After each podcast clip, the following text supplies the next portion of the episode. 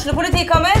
Ine Jansen er purk. Er du purk? The motherfucking bitch. Alt jeg vil, er å finne ut hva som skjedde med mannen min. Jon Carew. Er jeg sikta for noe? Iben Akeli. Det er du. Ole So, Lars Berrum og Big Daddy Karsten. Hvem sin side er du på, egentlig? Anette Hoff, Tone Danielsen, Kommer du fra Afrika?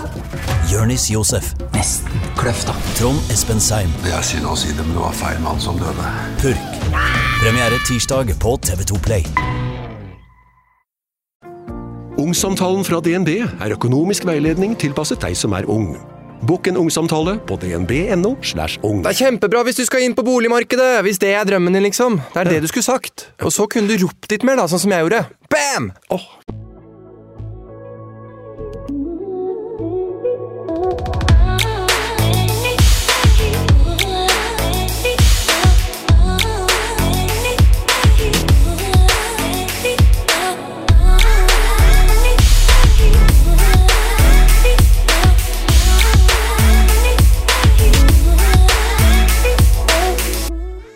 Nå så er jeg på vei for å treffe en gammel eh, kompis.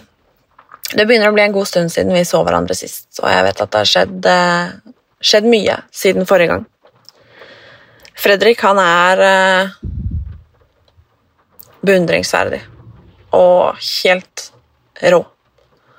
Han har vært soldat og jobba for det norske forsvaret. Og jeg syns egentlig det er litt vanskelig å skulle fortelle hva dagens episode handler om, for eh, jeg vet at det er mye Fredrik ikke kan prate om. Mye av det han har gjort og vært en del av, er, eh, er hemmelig. Um, Fredrik har også vunnet Norges tøffeste. Og jeg lurer litt på hvor tøft det egentlig var i forhold til det å faktisk være soldat. Og en tøffing på, på ekte, liksom. Um, Sist jeg egentlig prata med Fredrik, så fortalte han meg at han eh, hadde fått hjerneslag. Og jeg har ikke hørt den historien, men vi skal prate om det i dag. Hvordan det er å gå fra å være Norges tøffeste, en topptrent soldat, til å havne på Sunnaas og måtte lære deg det meste igjen. Og gå fra å kanskje hele tiden stå på kanten av livet, til å faktisk lure på om livet er verdt å leve.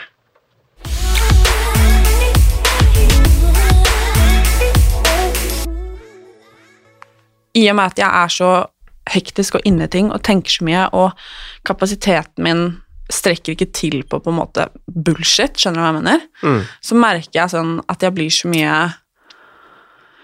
Iblant tøffere enn hva jeg egentlig vil være.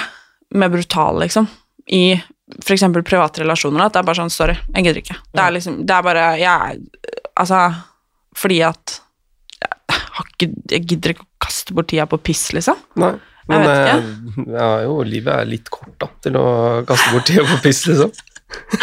Det har du erfart, si. Ja da, og det, nå er jeg blitt en helt annen person. Nå er jeg bare. Jeg burde vel kanskje vært sånn eh, kom tilbake fra Afghanistan eller Mali eller whatever, da. Men eh, det var først nå det liksom gikk opp for meg sånn ah, fy faen. Livet er dritkort. Mm. Plutselig så dør man, på en måte. Men jeg har jo vært så nærme så mange ganger. Det har på en måte ikke gått opp for meg da, i det hele tatt. Jeg bare på en måte kjørt på 150% hele tida. Jobba og bare styrt på, så bare stopper det. Alt blir helt stille. Og du må bare finne ut av din egen situasjon, på en måte. Har du vært redd for å dø før? Før? Ja, eller liksom Ja, ja, jeg har jo Nei, altså Hva skal man si? Jeg har ikke, jeg har ikke tenkt så mye på det. Hvis du skjønner? Ja, jeg skjønner. Jeg har vært redd for å dø før. Ja, Men det er helt andre grunner enn deg. ja. ja. Det, er, altså, det er lov til å være redd for å dø, men uh, jeg er redd for å dø noen ganger når jeg ligger hjemme i senga mi og skal sove. Og så ligger jeg og tenker på universet og hvor stort det er, og alt som skjer uti der sånn, og så får jeg sånn der, se meg sjøl utenfra i tredjeperson, så blir jeg sånn Å, fy fader. Nå er det Og så begynner jeg å regne. Nå er det 31 år. Og da er det bare sånn Ja, snaue 50 år, så er du ferdig.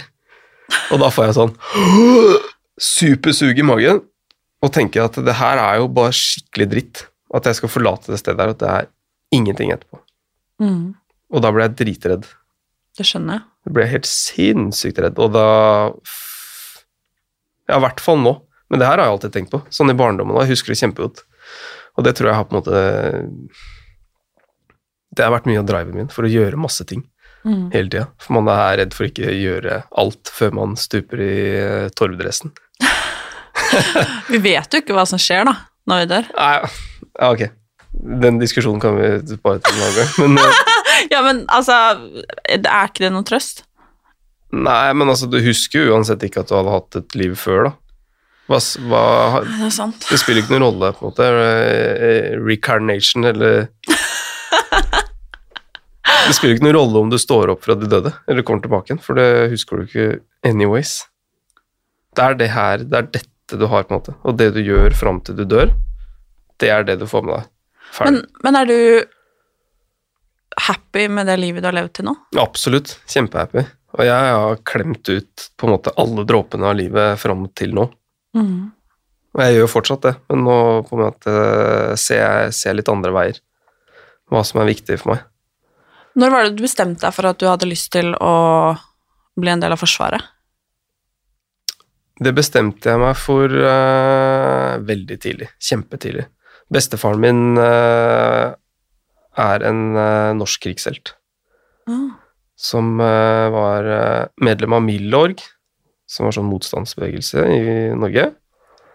Og han gjorde veldig mye bra, men blant annet så var han med på det felttoget som var eh, mot Hamar og samme regjeringa oppover for å stoppe tyskerne eh, et sted som heter Lundøg.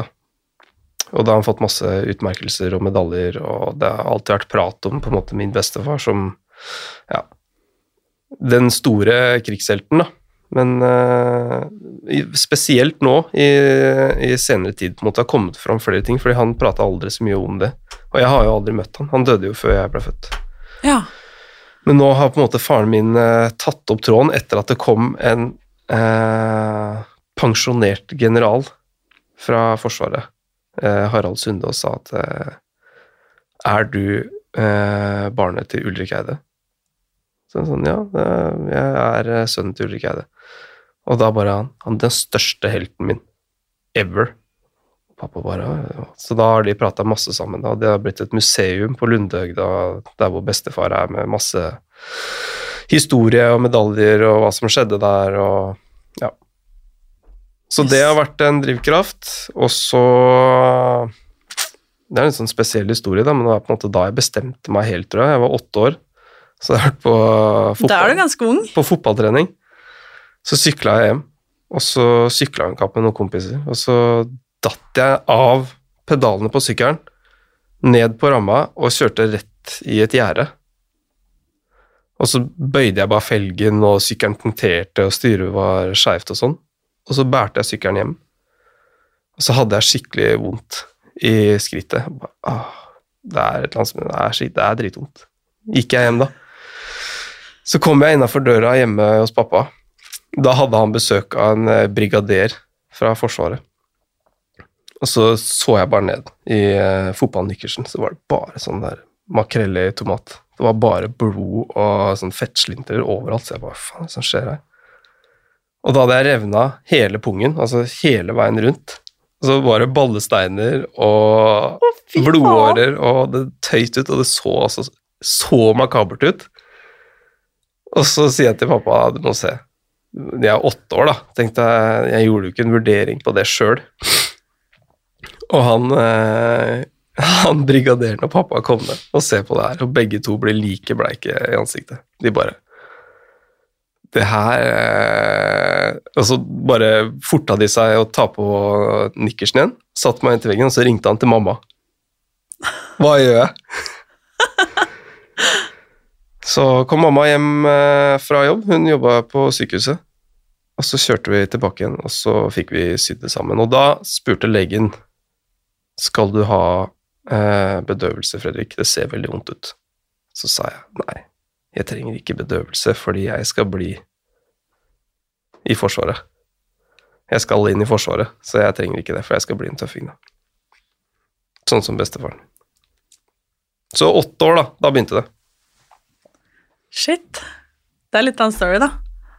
Ja, jeg tror det er på en måte det som begynte det hele ballen å rulle, og da begynte jeg sånn Ta armhevninger på, på gutterommet. Begynte så smått å sånn, trene litt. Begynte med ditt og datt. Men så kom jo ungdomsårene, jeg har kjørt motocross, jeg, bare, jeg har jo kost meg òg. Jeg har ikke tenkt det har vært sånn supermålretta mot det her, men det har alltid vært ligget litt i bakhodet. Mm. Og så kom eh, kom dagen. Jeg skulle på sesjon, og da, det var, da begynte det. Jeg gleder meg helt sykt. Du har liksom ikke snakk om noe annet? Nei. Nei, jeg to, men uh, pappa fikk meg til å ta fagbrev først.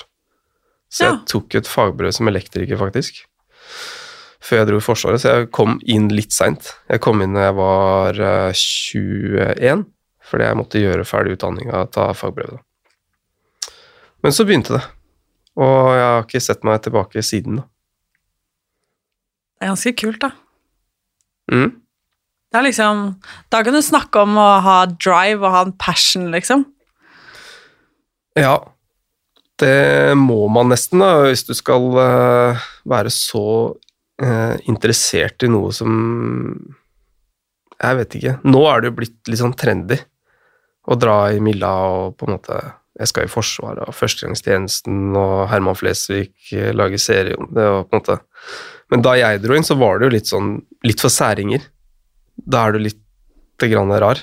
Det er noe alle må, på en måte, men eh, du trenger ikke hvis du har litt vondt i ryggen og sånn, da. Men jeg var Jeg syns det var Det var, var ikke noe spørsmål om hva jeg ville. Jeg vet jo at det er ting på en måte Eller jobben der du ikke kan prate om, men hvordan hvordan gikk det seg til fra å dra i liksom førstegangstjeneste og, og veien videre? Hva tenker du på? At uh... For man drar førstegangstjeneste. Dette Ja. kan jeg altfor lite om, det Ja. må jeg innrømme. Ja, ja, ja. Eh, og det er jo obligatorisk for alle, er det ikke det?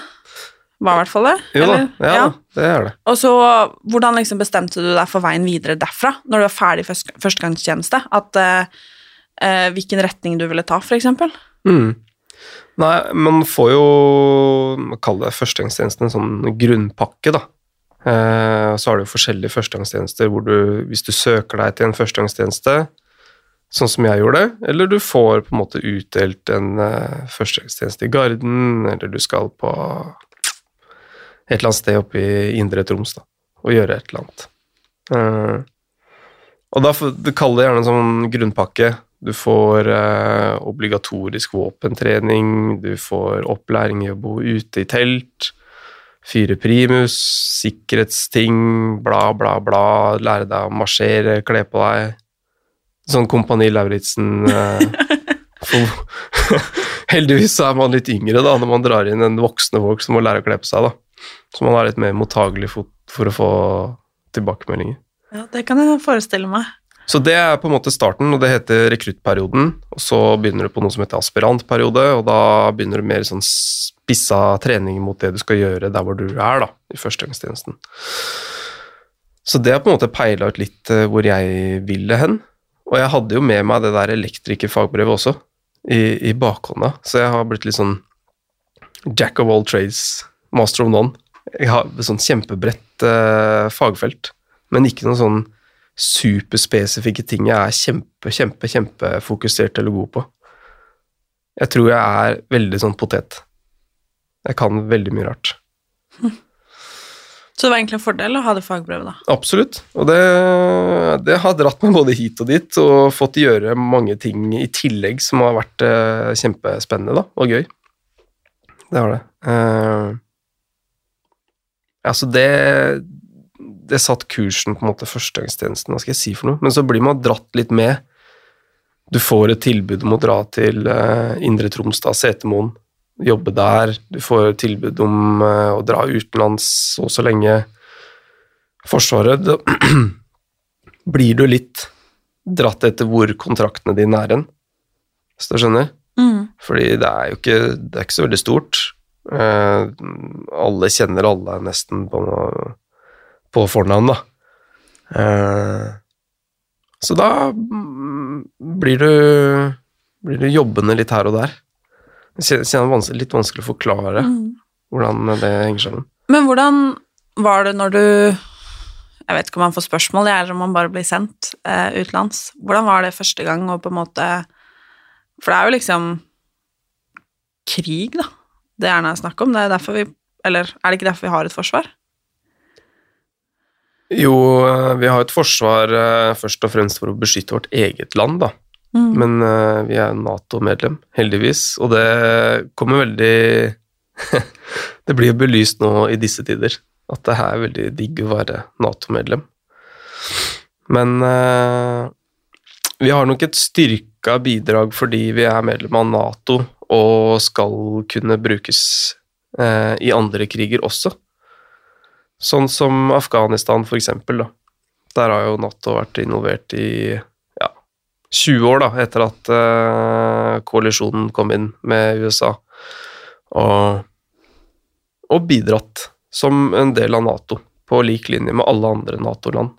Så sender uh, Norge soldater til Afghanistan for å krige for noen andre. Hvordan er det? det jeg Enten så er jeg veldig dum, eller så er jeg veldig lur, fordi de store spørsmålene har jeg på en måte aldri tatt inn over meg. Nei. Eller tenkt over. Tror du det har vært litt sånn beskyttelsesmekanisme overfor deg selv? Ja, absolutt. Jeg tror jeg har hatt et kjempegodt liv fordi jeg ikke har gått så så dypt inn i det, sånn mentalt. At jeg har heller sett på det som en jobb, og jeg har uh, fått oppleve masse. Og jeg har jo selvfølgelig respekt for oppdraget og det som skjer, og på en måte tatt stilling til de store spørsmålene er du villig til. Prikk, prikk, prikk, og sånn og sånn. Men uh, nei, jeg har, jeg har kost meg. Som jeg sier, hvis det har vært utfordrende, så har jeg kost meg gjennom det òg. Jeg har sett de, de bra tingene med å være der. En perfekt eh, soldat, med andre ord. Ja, det er, jeg er veldig god til å ta imot eh, ordre. Og jeg stiller ikke noe kontraspørsmål, stort sett. Jeg bare gjør som jeg blir fortalt. Men nå kan jo ikke du svare for liksom familie og sånn, men det har jo på en måte Jeg kan bare tenke med meg selv hvis en, en bror eller altså, noen i familien for eksempel, eller en god venn eller et eller annet, man visste liksom var i Afghanistan, og man har egentlig ikke peiling på hva som skjer. Men hvordan har det vært for deg òg, å på en måte reservere deg Eller jeg vil jo tro at du har reservert deg mye fra liksom Altså det private, da, og personlig her hjemme også. Mye du har gått glipp av, og liksom Har jo ikke sikkert bare bare vært liksom Du har jo vært der, og alle andre har vært her, og du har vært og bekjempa krig, og de andre har vært her hjemme og kjørt på, liksom, med sitt. Det er et godt uh, spørsmål, og det, jeg var nok veldig sånn begrensa på hjemmebane.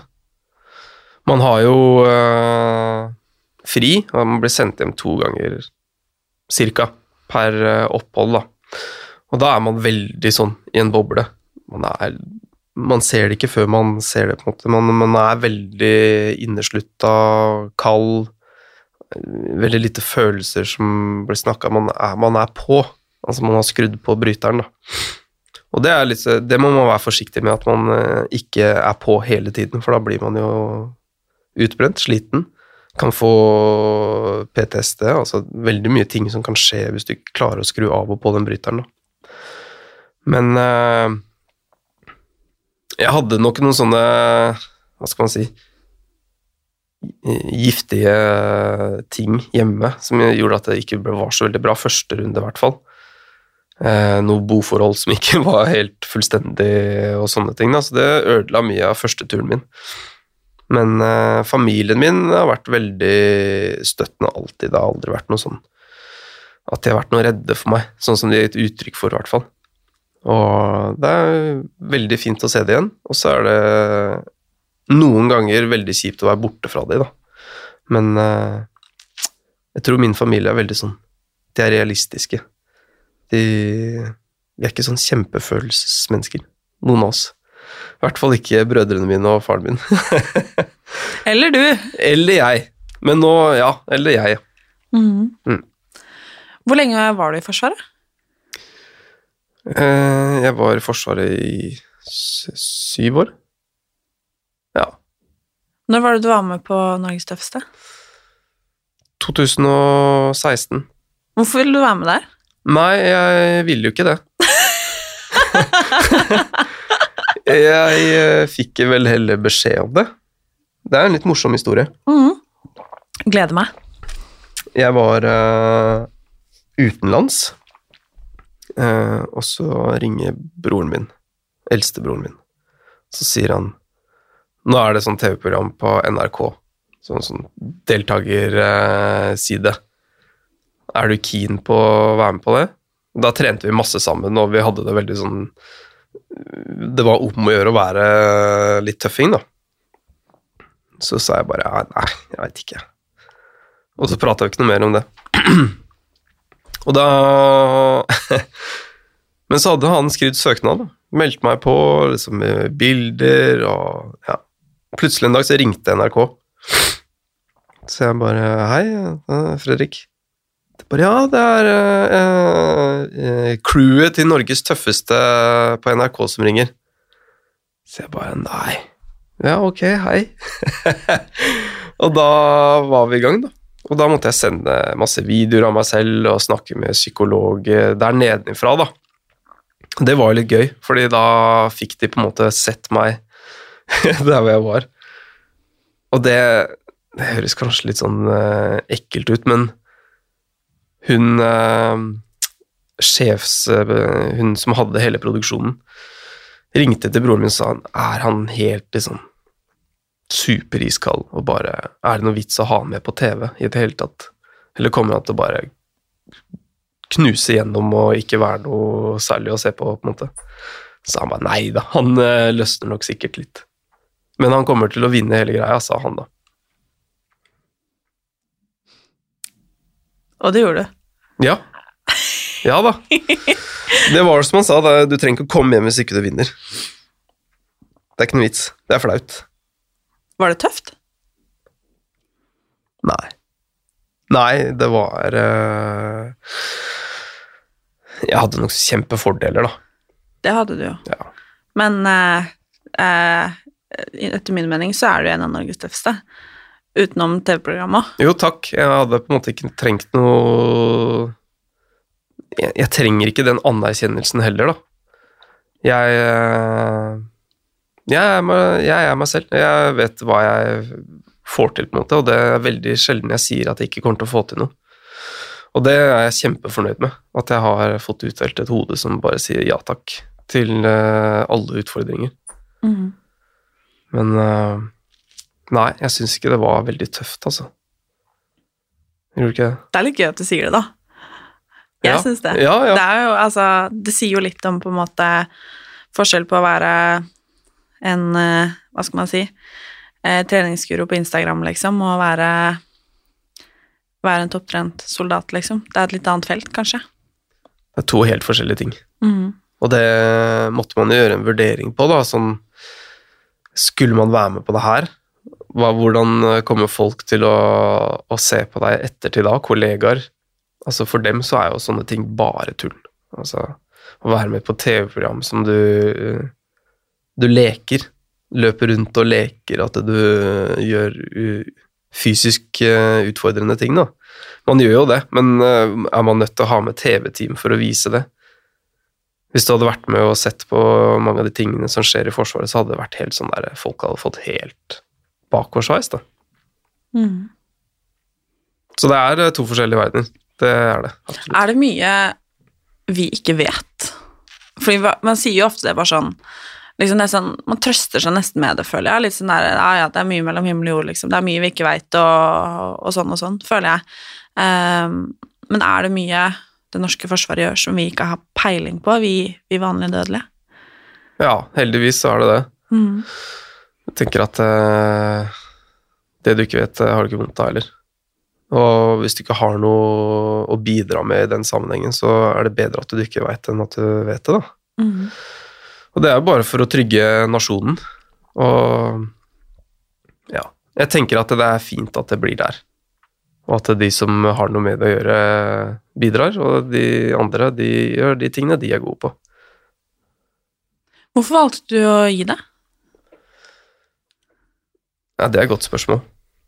Jeg tror jeg var litt eh, Jeg tror jeg var litt brukt opp.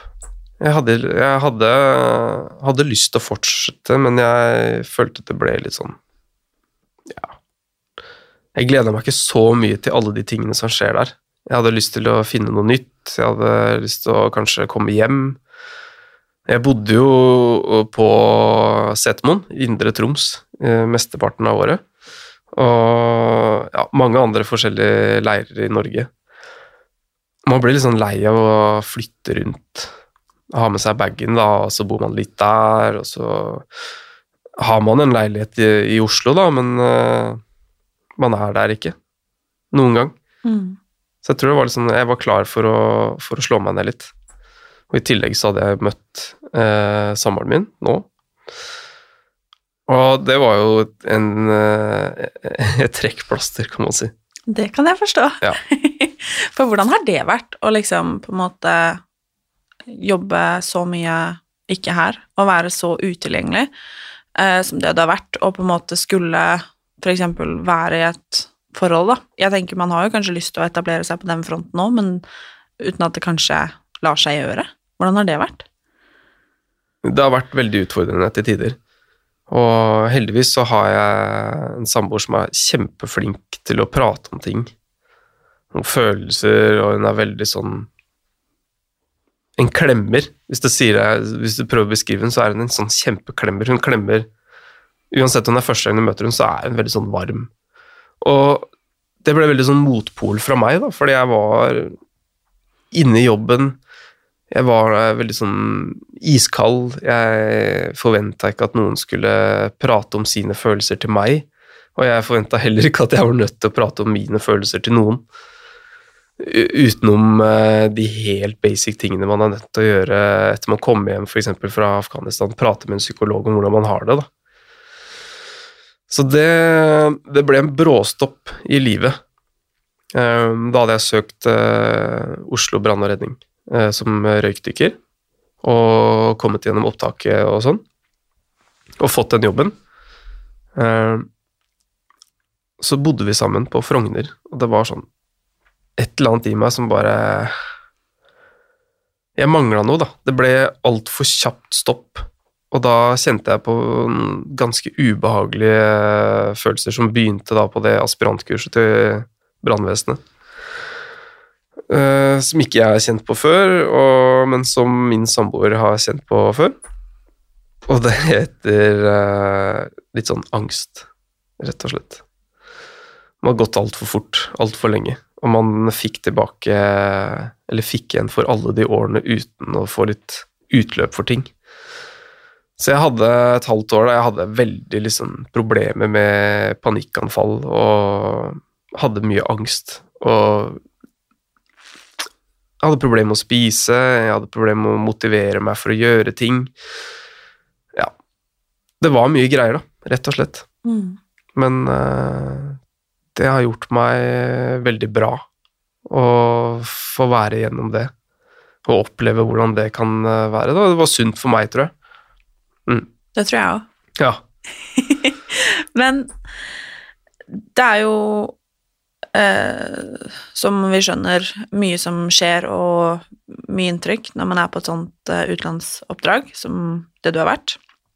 Eh, og som du sier, man må prate med noen når man kommer hjem, det har man vel ikke noe valg på engang. Men hvordan er det jo på en måte ikke nødvendigvis kunne prate med familie og venner om på en måte hva man, hva man har stått i, og hva man har vært med på? Ja, det er jo akkurat det. da. Man burde jo være mye flinkere til å gjøre det. I hvert fall finne seg en som man kan betro seg til. Men uh, det funker jo ikke sånn alltid, da. Det er vanskelig. Og det, det, man eh, De fleste er som meg, tenker jeg, at du må erfare selv hva som er riktig å gjøre. Og det kan ta lang tid før man finner ut av det. da. Man er nødt til å bli 30 år før man finner ut at uh, du er nødt til å prate om ting og liksom være litt mer følsom. Dele litt mer av deg selv. Si at du, du er ikke sikkert du har det dritbra, da. Men uh, istedenfor å gå i den fella og bare Nei, jeg har det kjempebra. Jeg var på vei til trening med med Arterix-sekken på ryggen og skal bare rett på klatring etterpå. på en måte. Alt er fint og flott hele tida. Så det er en kjempeerfaring jeg har gjort, i hvert fall. Og det Jeg skulle nok ønske at jeg hadde brukt de rundt meg litt mer tidligere, da. For å svare på spørsmålet om det. Og livet ble jo litt snudd på hodet her. Ja, det ble snudd veldig på hodet. Jeg hadde Jeg vet ikke helt inngangsporten hvordan man skal begynne å forklare det engang. Fordi jeg hadde fått ny jobb i brannvesenet. Jeg var kjempefornøyd med det og syntes det var en kul jobb. Og jeg hadde tenkt meg videre til noe som heter redningsstykker. Og det er sånn eh, litt sånn myteomspunnet eh, opptak der man ikke skal vite noen ting, og man veit ikke hvor lenge det varer, og sånn klassisk forsvarsstil. da. Og det er veldig mange fra Forsvaret som jobber i brannvesenet også, som har tatt med seg mye av det, tipper jeg. Og det skal visst være så hardt da det er nesten så du ikke overlever, ikke sant. Og ja, da ble jeg helt tent med en gang. Jeg bare ja, det her, dette må jeg få med meg. Så jeg og en kompis som også eh, har jobba i Forsvaret, som begynte på brannstasjonen et år etter meg, som jeg ble kjempeglad for, og som jeg er veldig god kompis med den dag i dag fortsatt. Vi trente veldig mye sammen på Linderud eh, på krigsskolen, i svømmebassenget der. Hver kveld i ja, fem uker så holdt vi på i det badebassenget. Og knøt knuter og svømte under vann, og hvor lenge kan vi være under vann, og, og prøvde på alt mulig rart som går an å gjøre under vann, da. Og så var det to dager til opptaket, en søndag. Så dro jeg på klatring eh, på Myren sammen med samboeren min og venninna hun. Og så var jeg i klatreveggen, og så var det som noen tok en isøks og bare mæla den inn i huet på meg. Og jeg fikk så vondt i hodet, og det blei helt svart. Jeg datt ned fra klatreveggen, blei liggende på den der madrassen der sånn, og bare følte hele kroppen brant. Og jeg hadde veldig problemer med å snakke, og en ekstrem hodepine.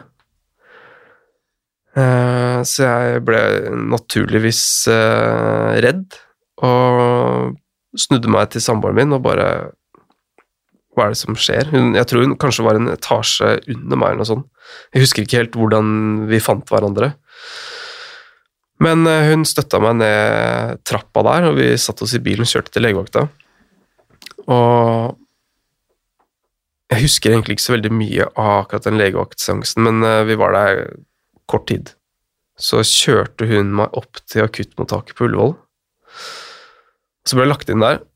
Eh, tatt masse bilder, klassisk sånn der eh, man henger i masse rør og slanger og apparater. Og så stoppa det opp litt, og så er jeg inne på nesten ser ut som et sånt kontor eh, nederst i en gang. Og har fortsatt de samme tingene. Jeg er veldig kvalm, jeg er lyssky, jeg har eh, ekstremt vondt i nakken, eh, hodepine og en sånn kjempeblodutredelse på øyet, og to forskjellige pupiller. Altså én liten og én kjempestor en. Og de eh, spinalpunkterer meg, stikker en sånn kjempetjukk nål inn i ryggraden min for å se om det er noe blod i spinalvæska, da for om jeg har en hjerneblødning. Og da begynner samboeren min å skjønne hva som skjer her. Skjønner de ikke hva, hva som feiler ham, på en måte. Og det stemte jo, de visste jo ikke eh, hva som var feil med meg. Og etter å ha gått 28 timer, så ligger jeg på nevrologisk avdeling på Ullevål, og så kommer det en overlege og sier han, du har, hjerne, du har et hjerneslag, pågående hjerneslag, og det vil si at du Og jeg bare, faen Hjerneslag? Hva, hva da hjerneslag? jeg vet ikke hva det er for noe. Jeg skjønte ingenting. Jeg trodde jeg hadde en sånn muskelknute i nakken, for jeg var så jævlig svimmel. Og så sier han bare Nei, det er eh, Vi har sett på bildene fra du når du kom inn her, og du Det har blitt verre og verre, og du Du ble ikke noe bedre, så vi måtte Men nå har vi tatt nye bilder, og da ser vi at hele hovedpulsåra ditt i hodet har sprukket, da. Så da eh, rusha de meg ned på en sånn eh, Jeg husker ikke hva det heter. in intermediestue eller noe sånt. Ja, vet ikke. Ja. Det så ut som en, nesten som en operasjonsstue. Det var masse syke folk og masse leger og apparater og Og da var det bare strengt sengeleie, det var ultralyd av alle blodårene i hele kroppen. Og de dro på noe så jævlig. Og samboeren min er sånn der Å, fy faen, hva, hva er det som skjer her? Men hun er iskald, da. Hun dro jo bare Ja, ok, nice. Hun er sykepleier på Rikshospitalet, så hun dro på jobb, da. Eh, og så lå jeg der et par dager. Så ble jeg sendt opp til Rikshospitalet, for da var det Da så det ut som det skjedde det samme med den andre hovedpulsåra som går til hodet. Vi har fire stykker, da. To på fremsiden og to i nakken. Og da så det ut som det var en sånn der eh, At den skulle sprekke framme òg, da. Så da ble det litt sånn krisestemning. Så da ble jeg sendt til Rikshospitalet, samme regla der, og da, da fikk jeg helt sånn Du ligger helt i ro og rører ikke én finger før uh, dette er ferdig, på en måte. Og da jobba jo hun i etasjen under uh, Hun jobber på øre, nese, hals på Rikshospitalet, så hun jobba i etasjen under, da. Så hun var oppe og så til meg i pausene sine. Det var egentlig en litt sånn hyggelig greie. Og hun var jo gravid i uh, Ja, hun var gravid. Så det, var, det skjedde veldig mye på en gang. Men uh, akkurat der og da så kom vi oss gjennom det. på en måte. Men det er først nå jeg ser hva, hva som har skjedd, og de tingene Nei, det er, det er til å begynne å grine av, men uh, alle de begrensningene jeg har fått pga. det hjerneslaget Så jeg har vært på Sunnaas i tre måneder. Jeg har uh, ikke noe følelse i hele høyresiden av kroppen, på, i huden. Jeg har lik muskelkraft og sånn, men jeg har noen ekstreme hodepiner. Jeg har migrene. Jeg er vanskelig med å finne ord. Vanskelig for å prate altså sammenhengende, sånn som vi gjør nå, da, på en podkast. Og når jeg er ferdig her sånn, så er det Da er det rett hjem, og så er det sove sikkert to timer, da. Og morgendagen kommer det til å bli inne, fordi da er det brukt opp, da. Så jeg må kanalisere energien min, og det er jeg ikke vant til i det hele tatt. Det er ganske fra himmel til helvete, da. Å være så aktiv og så godt trent og så kall det aktuell, på en måte, som det du har vært, Mm. til å ikke vite om du orker å gjøre noe i morgen, liksom. Ja, det er ganske sykt. Det er jo en eh, reise. og Jeg liker jo å se positivt på alt som skjer. Og det her har jo vært positivt, det også. Eh, Jeg har blitt veldig følsom. Altså, jeg kan sitte og gråte av TV og sånn. og det er jo litt nytt for meg, da, men uh, jeg har en skade i, eh, lillehjernen som styrer på en måte følelsesregisteret, så det, det er positivt. Ja, du slo Eller før, da, i hvert fall, så slo jo ikke du meg akkurat som en fyr som, som grein så fælt. Nei. Gjorde du noen gang det? Nei, jeg gjorde ikke. Jeg har aldri hatt noe behov for det. på en måte. Det, det kan man godt si at jeg, sa, jeg gråter ikke, og jeg er så tøff og sånn. Jeg kunne godt ha gjort det, men det har aldri kommet naturlig til meg. Da Da blir det litt sånn der jeg må uh, finne, finne på å gråte. Nå Men, eh, derimot Ja, men nå er det Ja, se på The Voice, og det er fine sanger, og jeg blir sånn emosjonell. da. Så det er kjempepositivt. Og så har jeg fått brukt masse tid med sønnen min. Jeg har vært hjemme med han eh, i to år, da. Så vi har jo et kjempebånd som ingen andre kan få hvis ikke de jobber, da. For jeg har jo vært sykemeldt eh, fra det her skjedde. Så alt i alt så er det positivt, og jeg tror at psyken min er blitt enda bedre etter det her, fordi jeg har kjent på noen følelser og noen oppturer og nedturer som har vært helt eh, sinnssyke. Ja. Er du Jeg bare Vi snakka litt om det. Du har jo vært nære døden, på en måte. Mm. Eh, kanskje lekt litt med døden òg, på mange måter. Men har du noen gang vært så redd for å på en måte dø som det du var nå, eller når dette skjedde? Det som er så rart, er at jeg Jeg var jo ikke det da, men eh, sånn i ettertid, når, det hadde gått et år, halvannet år, så begynte de følelsene å melde seg på. Fordi jeg går helt i sånn der beskyttelsesmodus. Blir ikke redd. Ikke 'dette går bra', jeg kommer til å komme tilbake til jobb. Jeg eh, lot ingenting gå inn på meg, da. Jeg var rett tilbake til eh, 22 år gamle Fredrik. Bare, det bare preller av det her. Og jeg prøvde jo faktisk å begynne å jobbe igjen. Eh, 100% som brannmann etter at det hadde gått et år. Og det det er det vanskeligste jeg har gjort noen gang. Altså, jeg fikk det ikke til. Jeg ble altså så sliten. Jeg kom hjem fra jobb og lå bare i gangen og rista og svetta og hadde så mye stress i kroppen at uh, det fungerer bare ikke. Men så var jeg på Sunnaas, og da gikk det opp for meg. Og det var masse psykologtimer uh, der man snakker rundt skaden og hva som har skjedd og sånn. Men først da gikk det opp for meg at det her er permanent, da. Dette her Sånn har livet ditt blitt. Og da, da var det liksom bare, ja Man får jo en kjempenedtur, selvfølgelig. Har du klart å akseptere det? Ja, jeg har akseptert det 100 nå, og det var veldig deilig å gjøre det, da. Men det tok jo ett og et halvt år før jeg gjorde det, da. Mm. Men uh, fremgangen går jo mye bedre etter jeg har gjort det. på en måte. Jeg gjør de tingene som de sier, da. Er, men jeg er litt sånn Ingen skal fortelle meg hva jeg skal gjøre for å bli bra. Ingen skal fortelle meg at jeg ikke kan jobbe i brannvesenet eller få til de tingene jeg, jeg, jeg, får til alt. Men det gjør jeg ikke nå. da. Nå får jeg nesten ikke til noen ting. Men jeg er fornøyd med det nå, da. Mm. Er du da redd for hvordan på en måte resten av livet skal være? Det er veldig usikkert, da. Jeg har jo ikke muligheten til å gjøre en forskjell på, på, liv Altså, jeg har fått noen begrensninger, da, for å si det sånn. Det er ikke sikkert at jeg blir 100% det kan hende at jeg blir 70% bra. Og klarer 70% av det jeg gjorde før. Det, det, er jo litt kjipt å tenke på, da. Altså, man er 30 år, og man er eh, egentlig akkurat begynt å fly litt. Og man eh, skal ha barn, du skal mestre hverdagen, du skal mestre en jobb. Du vil helst ha litt ekstra penger, ikke sant. Jobbe to jobber, kanskje. Who knows? Men nå er det sånn. Nå må du øh, mestre hverdagen først, Fredrik, før du begynner å tenke på å begynne å jobbe igjen, da. Og for meg så er det sånn Jeg tar ikke de ordene så veldig lett i munnen.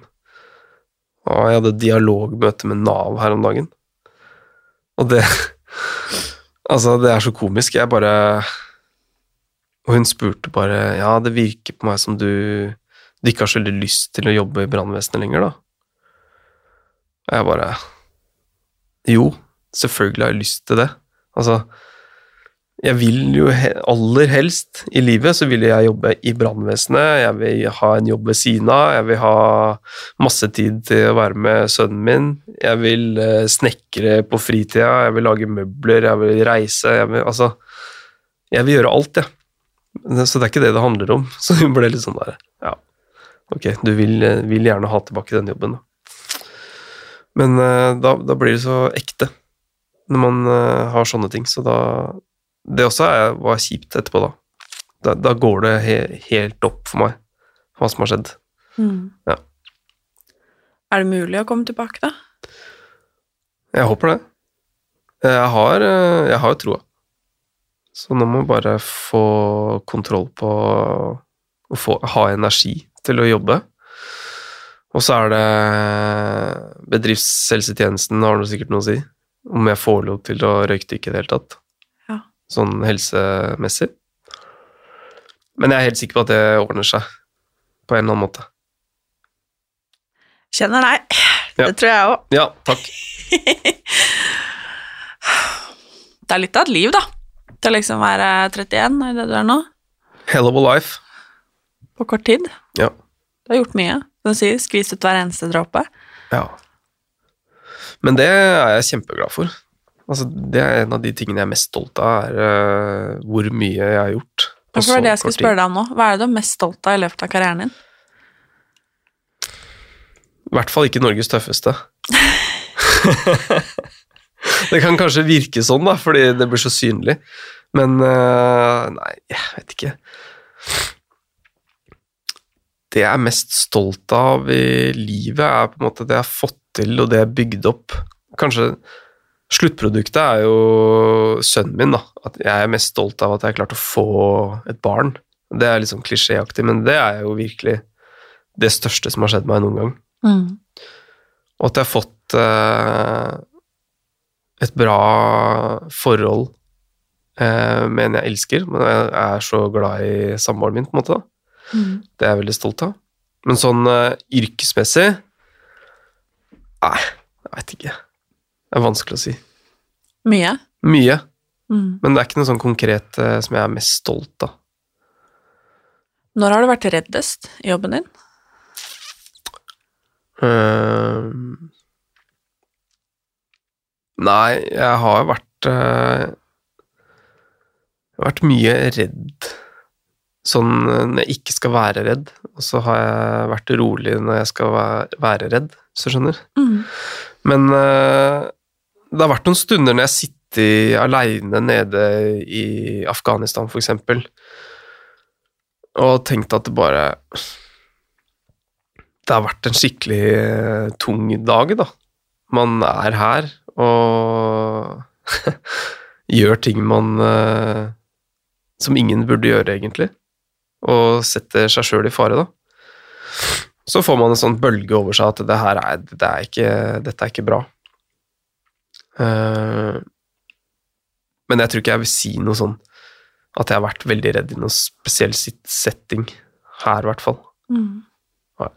Når har du vært mest sliten? Mest sliten eh, Det har også vært etter endt sånn utenlandsoppdrag. Og kommet hjem og ligget på sofaen i, i en uke, da. Hvordan er det å på en måte ha vært der så jævlig på, som du sier, gjort ting som vi ikke kan prate om her, em, og komme hjem til Oslo, Uh, liksom Ja, skulle leve livet her akkurat som at ingenting har skjedd, på en måte. Hvordan har den overgangen vært? Den er veldig vanskelig. Og det er jo som alle andre sier som har vært utenlands, at det, den overgangen kan bli veldig brå, og man blir sånn eh, Man syns at hele landet er sånn julenisseland. Bare Det er ilandsproblemer på hvert eneste gatehjørne, da. Man får sånn veldig perspektiv på ting. Og man er, setter så pris på å få lov til å bo i Norge og alle de små tingene, da. Men så har du folk rundt deg som er Hvis noen klager, da, og syns at det er eh, ræva at eh, handleposene på Kiwi liksom rakner i bunnen da, fordi de gikk hjem, så kan man veldig, i starten bli veldig sånn irritert. Man kan bli sur på andre fordi de ikke skjønner hvordan verden henger sammen. da. Men eh, det skal man jo holde, forholde, holde seg for god til, da, egentlig. Og se på en måte saken fra begge sider. Fordi de som er her hjemme, er jo, de lever jo det livet man skal leve her. Og de som har vært utenlands og jobba der, har adoptert noe av det som skjer der nede, og tatt med seg gode verdier hjem igjen. Og kanskje man klarer å overføre noen av de verdiene til de som er veldig sånn Alt er ilandsproblemer, da. Mm. Hvordan har dette påvirka deg personlig? Altså sånn i hvordan du oppfører deg og beter deg, liksom? Eh, Jeg er jo veldig sånn Norge-patriot, da. Altså, jeg elsker Norge. Jeg elsker flagget vårt. Jeg elsker nasjonalsangen. Og jeg, jeg er litt sånn moralens vokter når det kommer til Norge, da. Og jeg er veldig stolt av det vi har her, og det, og det vi gjør. Eh, Men eh, jeg har nok blitt mer eh, opptatt av eh, å ha det bra hjemme. Ikke så veldig opptatt av de materialistiske tingene. Mm. Nå mista jeg litt tråden. Jeg har jo hjerneskade, vet du. Og sånn kunstpauser av og til. Sorry at jeg ler. Ja, det går helt fint. Det er bare å le av. Det, det er faktisk helt komisk, men uh, det går litt for kjapt for meg. Som jeg tenker. Men det er et resultat, på en måte, og det, sånn er det jo bare. Og vi, vi, vi prater jo fælt. Du skulle sett meg for uh, ett år siden. Mhm. Da hadde jeg ikke Da hadde det gått veldig sakte. Så det her er egentlig kjempefremgang. Dette er en seier, rett og slett. Ja, det er det. Ja. Det er det. Kult at jeg får være en del av den. Jo, jo, jo. Bare hyggelig. Det må jeg si. Men um, jeg må spørre deg om bare et par ting til, Ja. hvis du orker. Ja. Og det er um, Det er jo veldig mange, litt som du sa, det har blitt litt trendy med Forsvaret, og eh, det er jo for så vidt bra på mange måter. Eh, at det er mange som er keen på Hva sier man? Verve seg? Bli en Mm. del av Forsvaret. Men har du noen tips til de som, de som ønsker å komme dit hvor du har vært, som sikkert for mange kan oppleves litt sånn vagt her vi sitter nå, Mm. men det er jo det det kanskje må være for at ting skal fungere sånn som det gjør. Mm. Jeg tror folk skjønner mellom linjene, liksom. Ja. Nei, altså Man må ha litt troa på seg sjøl, da. Man uh, Man må på en måte gi det man har. Man trenger ikke å være noe sånn overdrevet fysisk form. Man trenger ikke å være supermenneske for å få til sånne ting. Man må bare klare å, å holde ut. Ikke gi deg. Men uh, det er jo selvfølgelig en fordel å ha trent litt. Men eh, det jeg prøver å si, er at du trenger ikke være noen idrettsutøver for å få til det her. Det sitter i hodet 90% Og da kommer du til å få en inngangsbillett som kommer til å endre hele livet ditt. På måten du tenker på, eh, måten du eh, kommuniserer med andre. Altså, jeg tror det er kjempesunt da, å være i Forsvaret. Og Du trenger ikke å være der i sju år, da, men du kan, altså hvis du får til en skikkelig bra førstegangstjeneste, så kommer du til å ha glede av det resten av livet. Både i jobbsammenheng og alt du gjør. Og da har du tatt litt sånn Du har vært våt og kald og sittet ute og hatt lite mat og kjent på de tingene som man tar som en selvfølge, da. Og det gjør noe med deg. Alle burde gjøre det. Alle i hele landet burde ha en uke der de bare blir totalt kobla fra alt som har med komfort å gjøre. Syns jeg, da. Hva er det viktigste du har lært? Fyre bål. ja, ikke sant? Ja, ja, Så men på, altså- på slett ingenting, da, eller? Nei, men altså, fyre et bål kan redde livet ditt, eller Det er veldig koselig og var ikke noe sånn Jeg har lært mye om meg selv og sånne ting. jeg har lært sykt mye om meg selv, men uh, jeg øh, Jeg har uh, Jeg er veldig sterk i hodet. Og det tar jeg med meg inn i det som har skjedd meg nå, og det, det er jeg kjempeglad for. Og Forsvaret har gitt meg enda mer psykisk robusthet. Så det er nok det Ja, det er nok det beste med meg. Man trenger jo litt flamme for å klare seg i dette livet. Ja da, Litt gnist. det gjør man. Men tusen takk for praten. Jo, Det var skikkelig fint i like måte.